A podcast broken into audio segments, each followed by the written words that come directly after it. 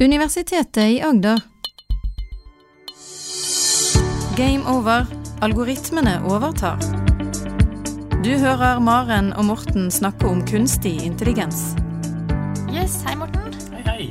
Denne gangen her så har vi fått inn eh, et nytt eh, spørsmål. Ja. Eh, og det går på kvantemaskiner. Det er en som lurer på hvordan kvantemaskiner påvirker læringen.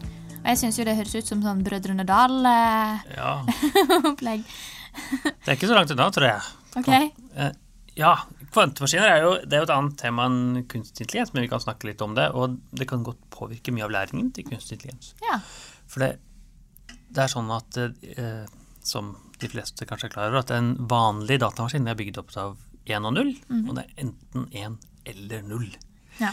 Eh, og da er det sånn at eh, det, all den prosesseringen, all den læringen kunstig intelligens gjør, er jo bygget rundt de prinsippene. At man har liksom én eller null på lav, på en måte.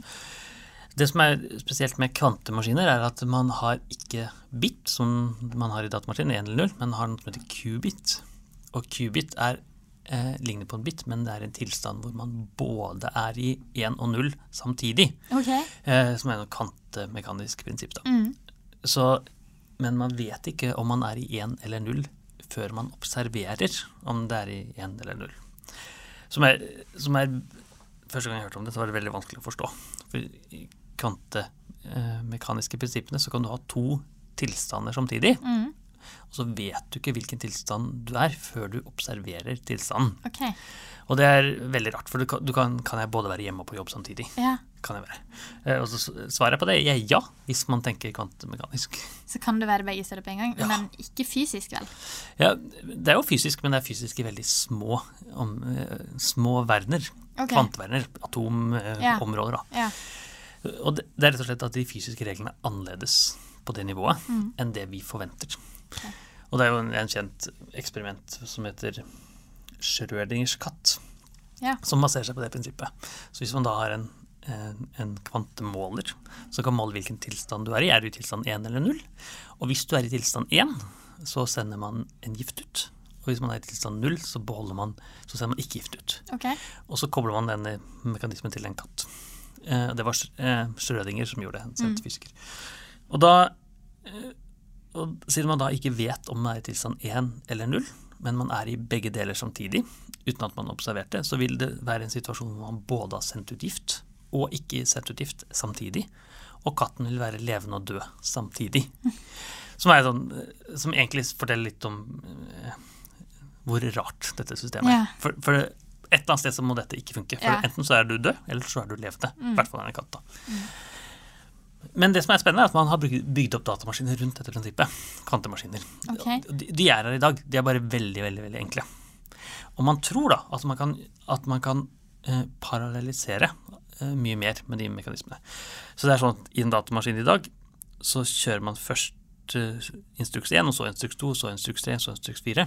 Men med en kvantemaskin, siden man kan være i to tilstander samtidig, kan man egentlig kjøre instruks 1, 2, 3 og 4 samtidig. Jaha. Og, og, det, hvis det går, da, så har det kjempekonsekvenser for hele dataverdenen. For det er mye av de prinsippene vi bygger rundt sikkerhet, f.eks., de, de er tenkt eh, er så vanskelig å løse med vanlig matematikk at man må bruke universets levetid på å løse det. Men hvis man kan gjøre alt sammen samtidig, så kan man bare bruke et par sekunder. Ja. på det. Og da, og da er det ting som kryptering, som jeg har snakket litt om, holde ting hemmelig. Men også det å trene kunstig intelligensalgoritmer. For eh, som vi har nevnt noen ganger, det er at det, det, det som er tungt, det er å trene opp kunstig intelligensen. Få disse visuelle algoritmene. Det er det som krever masse datakraft. Ja, og det er derfor Facebook dominerer, en av grunnene. Data og datakraft. Og, og da tar det kanskje eh, en uke å trene en algoritme som skal spille sjakk, f.eks. Ja. Eh, Men med kvantemaskiner, da, hvis man antar at de blir bedre enn de er i dag, la oss si om ti år de funker, så kan man kanskje trene, trene med alle mulige sjakkspill samtidig. Alle som fins. Og få en algoritme som kan spille alle mulige sjakkspill samtidig. Eh, og- Eller en algoritme som trener seg opp og å få det til, og da spille perfekt sjakk, f.eks. Eller spille, eller trene opp med alle Facebook-bilder samtidig, og bli mye, mye bedre. Og det, og det åpner muligheten, for det, i dag så er det er mye av det som begrenser kunstig intelligens, det er øh, hvor mye vi har tid til å trene opp disse algoritmene. Men hvis vi da ikke har det som en begrensning, Mm. eh, eller i hvert fall en veldig eh, Begrensningen er veldig nesten ikke til stede, så kan man jo trene opp mye mer. Med masse forskjellige bilder av alt man kan tenke seg. Alle bilder i verden av alle mennesker, f.eks. Eller alle samtaler i verden med alle mennesker Samtidig. samtidig. Og få roboter til å snakke og så videre. Så det er jo et tankeeksperiment, da. Går det an? Ja, For i praksis så er ikke dette mulig ennå. Det er i praksis mulig i veldig veldig små eksperimenter. Okay. For det er kvantemaskinene som eksisterer, og IBM er det en av de som jobber veldig mye med det. De har fått til bitsekvenser på jeg lurer på om det er 64 opp, da. Så 64 ener og nullere, som er ganske mye. Men hvis man tenker på hvor mange gigabyte en kunstig intelligens-nettverk er, så er det ingenting i forhold. da. Og de er store, tungvinte og Kvantemaskiner er litt sånn eh, Har vært rundt neste hjørne de siste 40 årene, Okay. på en måte. Så såpass, ja. det er mange som jobber med det, ja. og mange som har liksom tro på at det funker. Men det har ikke kommet Nei, personlig er jeg litt skeptisk. Ja, til det det, til. Nei, om det går. ja, det, jeg, jeg, vi vet at det går, for det, det er gjort. Men om, det, om man klarer å bygge det sånn at det er matnyttig Ja. for oss alle andre, da. At At det blir man- kraftig nok. At Det blir kraftig nok. Ja. Mm. Det, det er i hvert fall mange år til man får en kvantemaskin på hvert eh, kontor, tenker jeg. Ja. Men det kan jo endre hele løpet. Da er det ikke sånn at Facebook og Google dominerer kunstig intelligens lenger. For da kan vi andre demonere det også, hvis vi bare kjøper en liten kvantemaskin. Ja, ikke sant.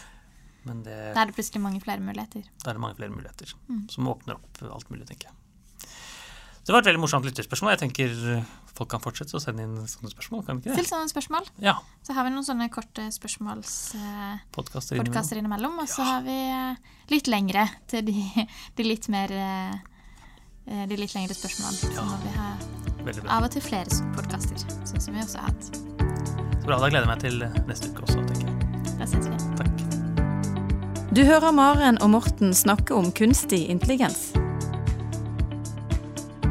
Har du spørsmål til Maren og Morten, send en e-post til gameover.alfakrølluia.no. Du har nå hørt en podkast fra Universitetet i Agder.